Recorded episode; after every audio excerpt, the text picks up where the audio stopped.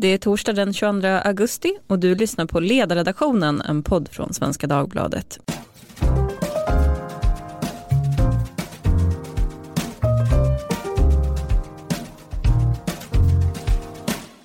Jag heter Lydia Wåhlsten och idag ska vi prata om Moderaternas riksdagsledamot Hanif Bali som igår hamnade i blåsväder för att ha twittrat ogillande om tidigare utrikesminister och statsminister Carl Bildts politik. Många har redan kommenterat den här frågan och därför tänkte jag att vi idag ska ta ett steg tillbaka och bena i frågan. Vad är en riksdagsledamot och vad är en bra riksdagsledamot? Med mig i studion har jag mina kollegor Tove Livendal, Ivar Arpi och Karl Sigfrid. Karl Sigfrid var också hos SVT i morse och kommenterade den här frågan med DNs Erik Helmersson. Eh. Tack. Tack. Karl har också en bakgrund som riksdagsledamot. Tove har också en lång bakgrund i Moderaterna och alla här vet väl ganska väl hur politiken och även parlamentet fungerar inifrån. Och för transparensens skull ska jag också säga att du Ivar är god vän med Hanif Bali. Ja, vi känner varandra i alla fall. Ja, mm. god vän det är ju upp till... God vän. Ni har inte definierat er relation. Vi, vårt avsnittet handlar om hur vi ska liksom vän, kompis, bekant, allierad. Ibland lyfter ni skrot tillsammans. Ja, jag tycker jättebra om honom. Om jag börjar med en öppen fråga då. Är Hanif Bali en bra riksdagsledamot? Ja eller nej? Nej. Det, det beror på. Jag, jag gillar inte ja och nej-frågor. Måste man utsättas för det i sin egen, på sin egen ledarredaktion? Nu, nu gjorde jag okay, det fast jag okay, också ogillar okay, det. Jag säger nja. Ja, om vi börjar med dig Tove, vad är det du tycker är problematiskt? Nej, jag, tror man, jag, jag tycker att man måste skilja på person och uppdrag och är man ledamot av Sveriges riksdag så tycker jag att det första ansvaret man har det är ju gentemot den institution som man företräder och det, det, den har man naturligtvis fått av, av de väljare som har satt den där och sen kommer vi in på partier för i det här fallet så är det klart att man kommer in med hjälp av ett parti. Men för mig så är det jätteviktigt att de företrädare vi har som befolkar den sortens institutioner eh, håller en nivå, till exempel i den publika debatten som känns koherent med den institutionen. Det blir ett bekymmer för mig när Donald Trump, inte för att han är Donald Trump utan för att han är USAs president, beter sig på det sätt han gör och uttrycker sig på det sätt han gör. Då är det liksom ämbetet som det blir problematiskt med. Och där tycker jag ju att Hanif Bali som jag uppskattar som en röst i samhällsdebatten. Ska jag, säga. jag tycker att han ofta har väldigt klarsynta och väldigt frispråkiga inlägg som är nyttiga i den ganska trånga åsiktskorridoren i Sverige. Men har återkommande kommit i situationer som jag inte tycker är, för mig då, lämpligt i, i förening med riksdagsledamotsuppdraget. Är det något särskilt du tänker på? Ja, alltså att, att, att publikt håller på och gräla om andra partikollegor, det är en partisak. Utan det, det, är, nog, det är naturligtvis en, en smaksak vilket tonval, tonläge man hade. Men jag har också skrivit tidigare om en situation när jag tyckte att eh, Hanif Bali gjorde sig till en nyttig idiot och spred vidare information som var ämnat att diskreditera person på oriktiga grunder. Och det, det kan vara lätt hänt i dagens klimat men man måste vara varsam när man har den typen av ämbeten som Hanif Bali har. Mm. Ivar, vad lägger du i ditt nja? Nej men han är en, till skillnad från de flesta riksdagsledamöter så vet nästan alla vem, vem han är. Och han, hur många andra riksdagsledamöter har en podd som folk faktiskt vill lyssna på, inte tvingas lyssna på som det är när man bjuder in riksdagsledamöter i olika debatter för att de ska prata och så det är otroligt tråkigt att lyssna på. och De är väldigt dåliga ofta på att prata. Man förstår inte alltid varför de överhuvudtaget har kunnat bli riksdagsledamöter. Så man förstår att det här är en partiprocess som har lett fram till att som de har vunnit på något, något sätt som är väldigt svårt att veta utifrån. Som har gjort att de nu sitter i riksdagen och representerar människor. Det kan inte vara på, grund av, på grundval av karisma eller någon extrem begåvning alla gånger. Men här har vi en person som folk faktiskt vet vem det är och han behärskar den nya tidens, liksom, eh, vad ska man säga, alla de här Galtan-stridsfrågorna liksom, eh, som vi har. Det nya kulturkriget. Liksom. En person på högerkanten som ibland kanske är för hård men väldigt ofta fyndig. Eh, och eh, mobiliserar människor och jag tror att han lockar väldigt mycket eh, väljare till Moderaterna också. Så att han är, på det sättet så är han en väldigt bra representant för Moderaterna i att han lockar människor och det är någon, jag kommer inte ihåg vem det var som sa det, men så här att man den som har roligast vinner. Lite så är det. Att man får skratta åt vänstern för en, gångs, för en gångs skull, så tror jag många känner. Det är förlösande att följa Hanif Bali i sociala medier. Ibland är det för hårt, ibland är det inte så kul. Men nästan alltid så är det underhållande. Och om man har varit med lite längre och man minns hur det har varit på sociala medier och sånt där. Eller ja, på etablerade ledarsidor som på DN och Aftonbladet och på massa andra ledarsidor så är tonen extremt hård ibland åt andra hållet. Man kan liksom, på Aftonbladets ledarsida kan man lägga ut en göra karikatyrer och ta med Hitler och jämföra Ulf Kristersson. Alltså så här, man kan göra extremt grova plumpa påhopp. När Hanif Bali gör det så blir det liksom ett ramaskri när han gör, går och gör något över Trump. Det blir inte sådana ramaskri när, när folk, socialliberaler gör det. Eh, eller när vänstern gör det. Så mm. det, det, är väl lite det jag tänker med att jag, jag håller med Tove om att ibland går Hanif Bali gått för långt. Eh, I det fallet som du pratar om nu till exempel så bad han ju själv om ursäkt. Ni kanske kan ehm. beskriva det fallet för det rör du väl också en annan ledarskribent, Patrik Oksanen och eh, relationen till Ryssland? Ja, nej men det fanns ett det, det, fanns information som, som spreds och som som sagt var, var ämnat att diskutera och det är en del av tyvärr en, en längre kampanj mot vår kollega ledarskribentsbranschen. Och i det här fallet så spreds det här vidare oreflekterat och det som sagt, det är ganska lätt hänt nu för tiden därför att det florerar så mycket information och mycket av det är planterat med ett syfte.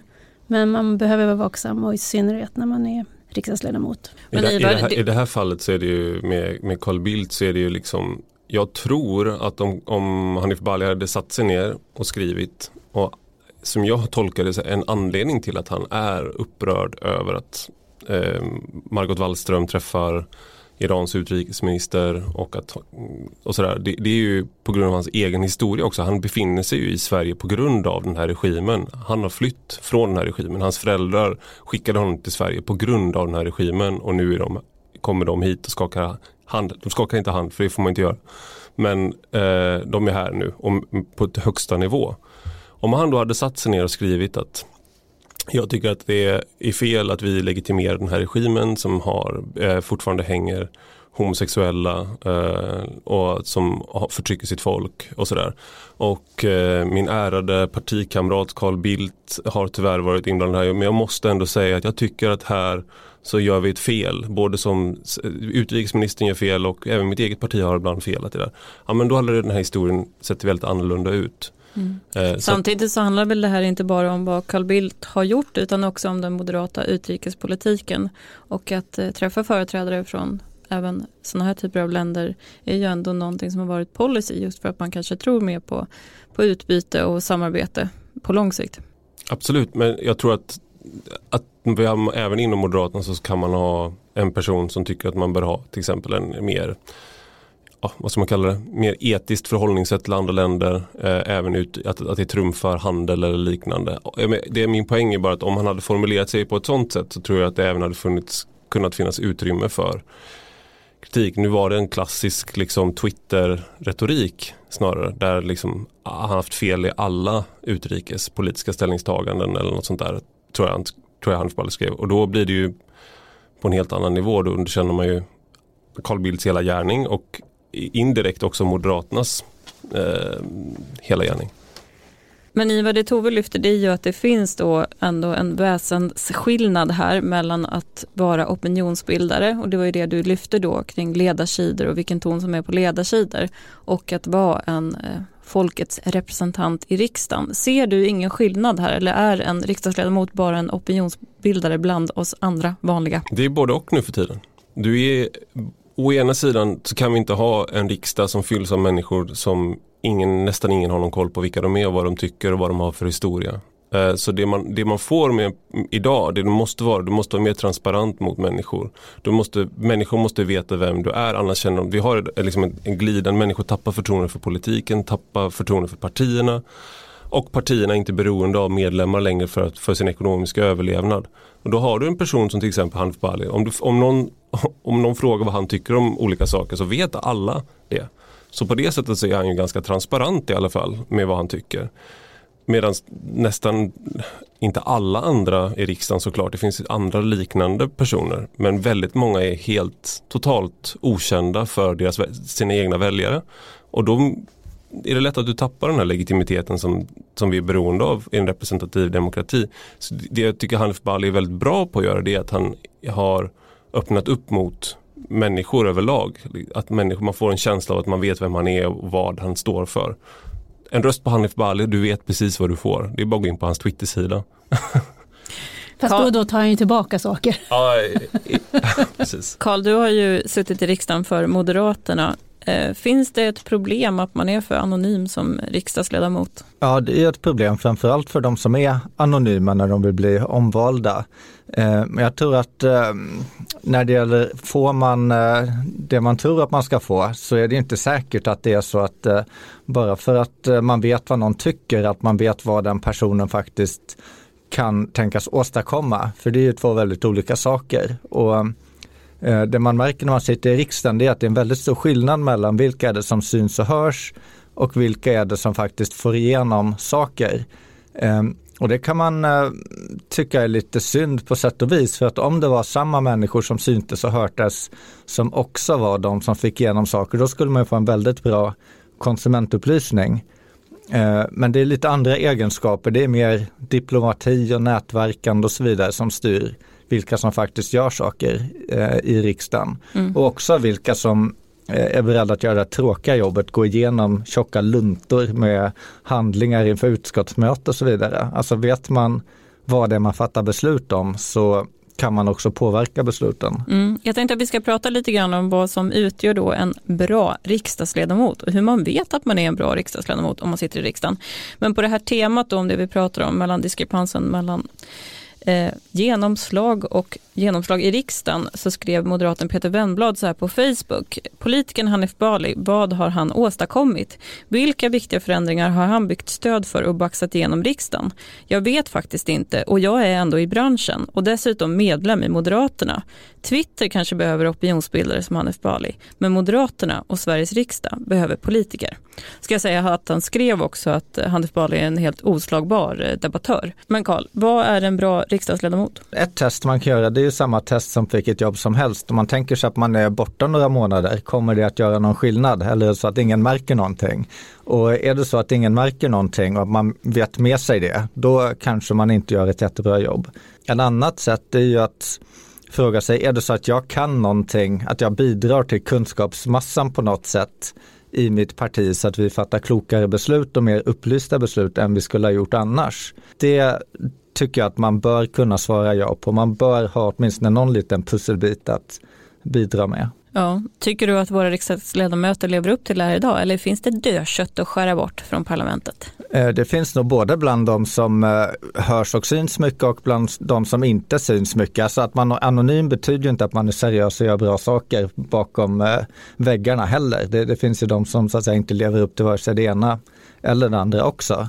Men det, det är klart att det, det finns eh, möjlighet att, att skära ner antalet riksdagsledamöter utan att det skulle skada. Det är något som Moderaterna också har drivit ganska länge, att man skulle kunna minska antalet. Ett bra sätt att göra det är ju att skära ner på alla de andras ledamöter. Det är också bra. Med att ta deras mandat? Ja precis, det funkar ju också väldigt bra. Ja det är ja. bra, men det kostar skattebetalarna lika mycket. Ja, jag kan säga det att på internet så pågår det diskussioner också om Hanif Bali faktiskt lockar röster till Moderaterna eller om hans följare kommer från annat håll. Och det här är en diskussion som jag också har sett i andra medier och då har bloggaren Lars Wildräng skrivit ett inlägg där han försöker leda i matematiskt bevis att både riksdagsledamoten Jan Eriksson och eh, Lars Bäckman har då ett större stöd. Men det är lite oklart om den här metoden som Lars Wildräng har använt verkligen fungerar. Han använder ju bara det lokala stödet. Så det mäter ju inte hur många som lockas till partiet överhuvudtaget i hans egen uträkning där. Men mm. han är väldigt bra på att slå fast i alla fall att Hanif Bali inte drar röster till Moderaterna. Ja, Tove, det här har ju varit en diskussion kring Hanif Balis ton för Moderaterna under en längre tid och han har ju fått kritik från olika håll. Och inom partiet då så sa partisekreterare Gunnar Strömmer redan i juli att man skulle göra upp med partikulturen i Moderaterna och för några dagar sedan så kunde Expressen berätta att det finns ett utbrett missnöje eh, bland andra moderater om Hanif Balis tonläge. Nu twittrade han det här om eh, Carl Bildt och partiet agerade Och eh, Tobias Billström var väldigt noggrann med att påpeka att det här beror inte på att Hanif Bali har kritiserat en partikollega utan det hade kunnat varit vem som helst. Vad ger du för det där svaret? Ja, jag drar lite på munnen kanske. för det är på något sätt, där är man på känd mark och det finns ju, det, har varit en moderat så här, hedersgren att liksom enad front utåt och fri debatt inåt. Sen har man inte alltid levt efter det, men de som inte lever efter det brukar bli straffade för det. Och det är ju så att relationen mellan riksdagsledamöter och deras partier, det är som ett äktenskap. Och det bygger på givande och tagande men det bygger på också att man kan ha en gemensam syn på hur, liksom, hur mycket utrymme den andra parten får ta och på vilka villkor. Och om det där blir hackar, om det blir en disharmoni, då kommer det att spricka.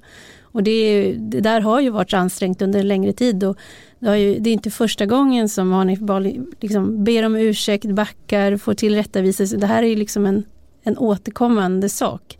Och det är, antingen så kommer det att krävas att någon av parterna förändrar sig eller också så kommer det att bli så att man säger att nej, men det här är inte den optimala relationen oss emellan. Vi kanske vill hitta en annan relation. De kanske ska förnya sina löften? Det kanske man ska göra och det, har ju, det här är ju då inte heller ska man säga unikt Hanif Bali utan partier har alltid slits mellan viljan att få in människor som kan bredda väljarbaser, hitta nya sätt att kommunicera, nå ut i nya väljargrupper och samtidigt så ska det vara bekvämt. Olikheten ska inte vara obekväm. Och när det kommer människor som utgör obekväm olikhet då ja, en del rättar in sig men det är också många som bestämmer sig att nej men det här funkar inte riktigt. Mm. Alla vill ha en uh, jättecool kille med motorcykel som kommer sladdande in men sen så vill de ändå att han ska vara, ta ansvar för hus och hem och hushåll och allt sånt där. Liksom, sådär. Man vill ha coola killen fast han ska, sen ska han ändå bli en jättebra ansvarstagande partikamrat eller familjefar. Jag vet inte vad, jag, vad här som händer med Du är tillbaka i äktenskapet ja, tror jag. precis. Du börjar prata om dig själv nu. jag har inget mc-kort.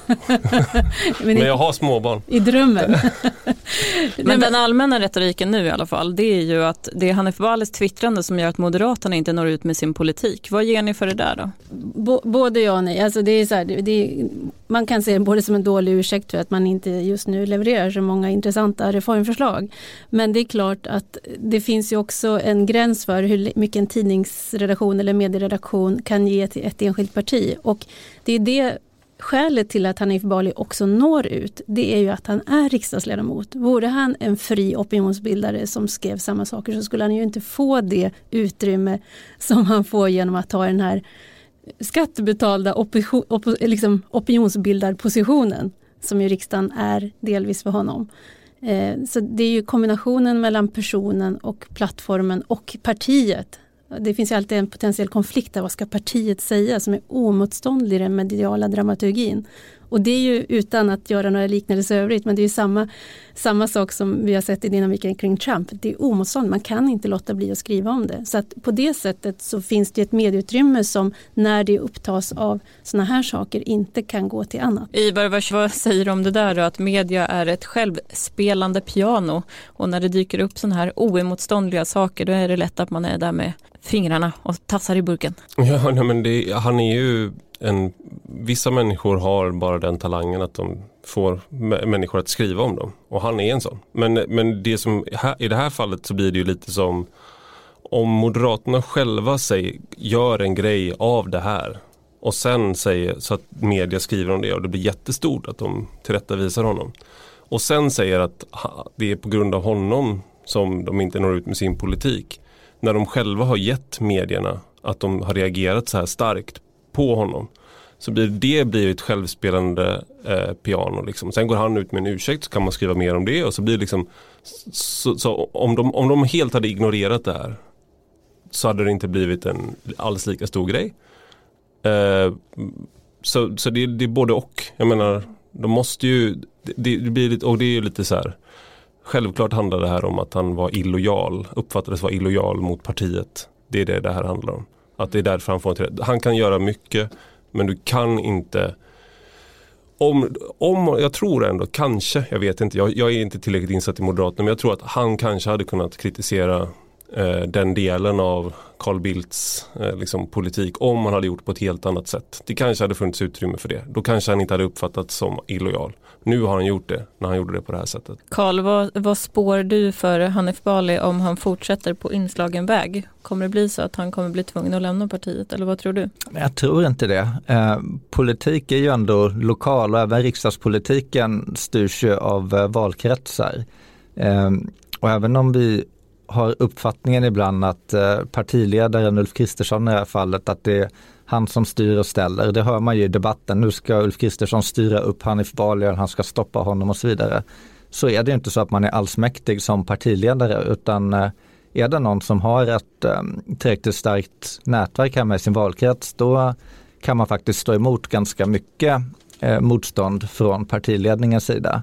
Så att jag tror att han Eh, kommer att klara sig ganska väl. Mm. Sen är det klart det finns en gräns alltid om han skulle gå ännu längre men eh, om vi antar att han inte trappar upp ytterligare och att det inte blir eh, fler saker av, av den här kalibern så, så kommer han nog att kunna fortsätta. Det, det är min gissning. Jag, jag, tror att Hanif Bali är lite som Boris Johnson. Alltså att antingen så eh, han är extremt polariserande för gemene man. Att folk antingen älskar honom eller hatar honom. Eh, motståndarsidan hatar honom eh, och får de egna att älska honom mer. Eh, och sen finns det inom partiet folk som är väldigt skarpt emot och de som är väldigt skarpt för. Eh, och så, så finns det någon liknande kvalitet hos honom. Så det, en sån person kanske förr eller senare gör sig omöjlig för, för sitt parti, det vet, man, vet jag inte. Men eh, som det, Boris Johnson blir partiledare till slut mot allas förmodan. Så jag tror inte att Hanif Bali, antingen lämnar han politiken med buller och bång eller så blir han kvar och så går han, stiger han i, i graderna. Det tror jag. Tove Ivar sa tidigare idag när vi pratade om det här att han också tycker sig se en generationsklyfta i Moderaterna i just den här synen då till exempel på Hanif Bali och Hanif Bali förstår väl de här nya Galtan-frågorna medan kanske ett äldre garde vill ha en annan ton och bedriva politik på ett annat sätt. Är det någonting som du också ser? Ja, jag tror att alla partier har generationsfrågorna att förhålla sig till och de kommer att se lite grann olika ut. Men framförallt så tror jag att det finns en, en eh, clash här mellan det som Karl var inne på att det finns en logik som är i den offentliga debatten och sen finns det en logik som råder i partikulturen. Och där, även om Hanif Bali är en framgångssuccé i den offentliga debatten på olika sätt, men som Ivar också säger, som starkt polariserande kraft, eh, man liksom får, får två läger så att säga, så är det inte alltid synonymt med att det uppskattas eller kan tas vara på på ett vettigt sätt eller för den delen kanske har sin plats i partiet. Parti, syftet med partier ska ju inte vara att de ska rymma allt, alla nya trender ska kunna vara inne i ett parti utan det, det, det där är ju en ständig pågående diskussion. Partierna har tappat en massa medlemmar. Det behöver inte vara dåligt men det som är uppenbart är att rekryteringsbasen blir mindre om man har färre och färre som söker sig till dem. Så det talar ju för att de ändå måste anstränga sig för att försöka hålla eh, Ja, det måste finnas medlemmar, det måste finnas personer som vill vara i närheten av partierna och kan utveckla politiken. Men det är inte första gången heller som man ser att det blir en stor skillnad mellan framgången du har utanför partiet och vad som sen händer när du kommer in. Det finns ju Twitter-fenomen som sen har valt att kandidera i partier och inte alls har nått någon framgång. Jag kan i alla fall notera att eh, nyheten om Hanif Bali bara ligger på topp tre idag. Så vi får väl se om det sjunker undan. Det verkar ju så. Jag får tacka mina kollegor Tove Livendal, Ivar Arpi och Karl Sigfrid för att ni kunde ha lite terapisession om vad det är som har hänt. Tack så mycket. Tack. Tack.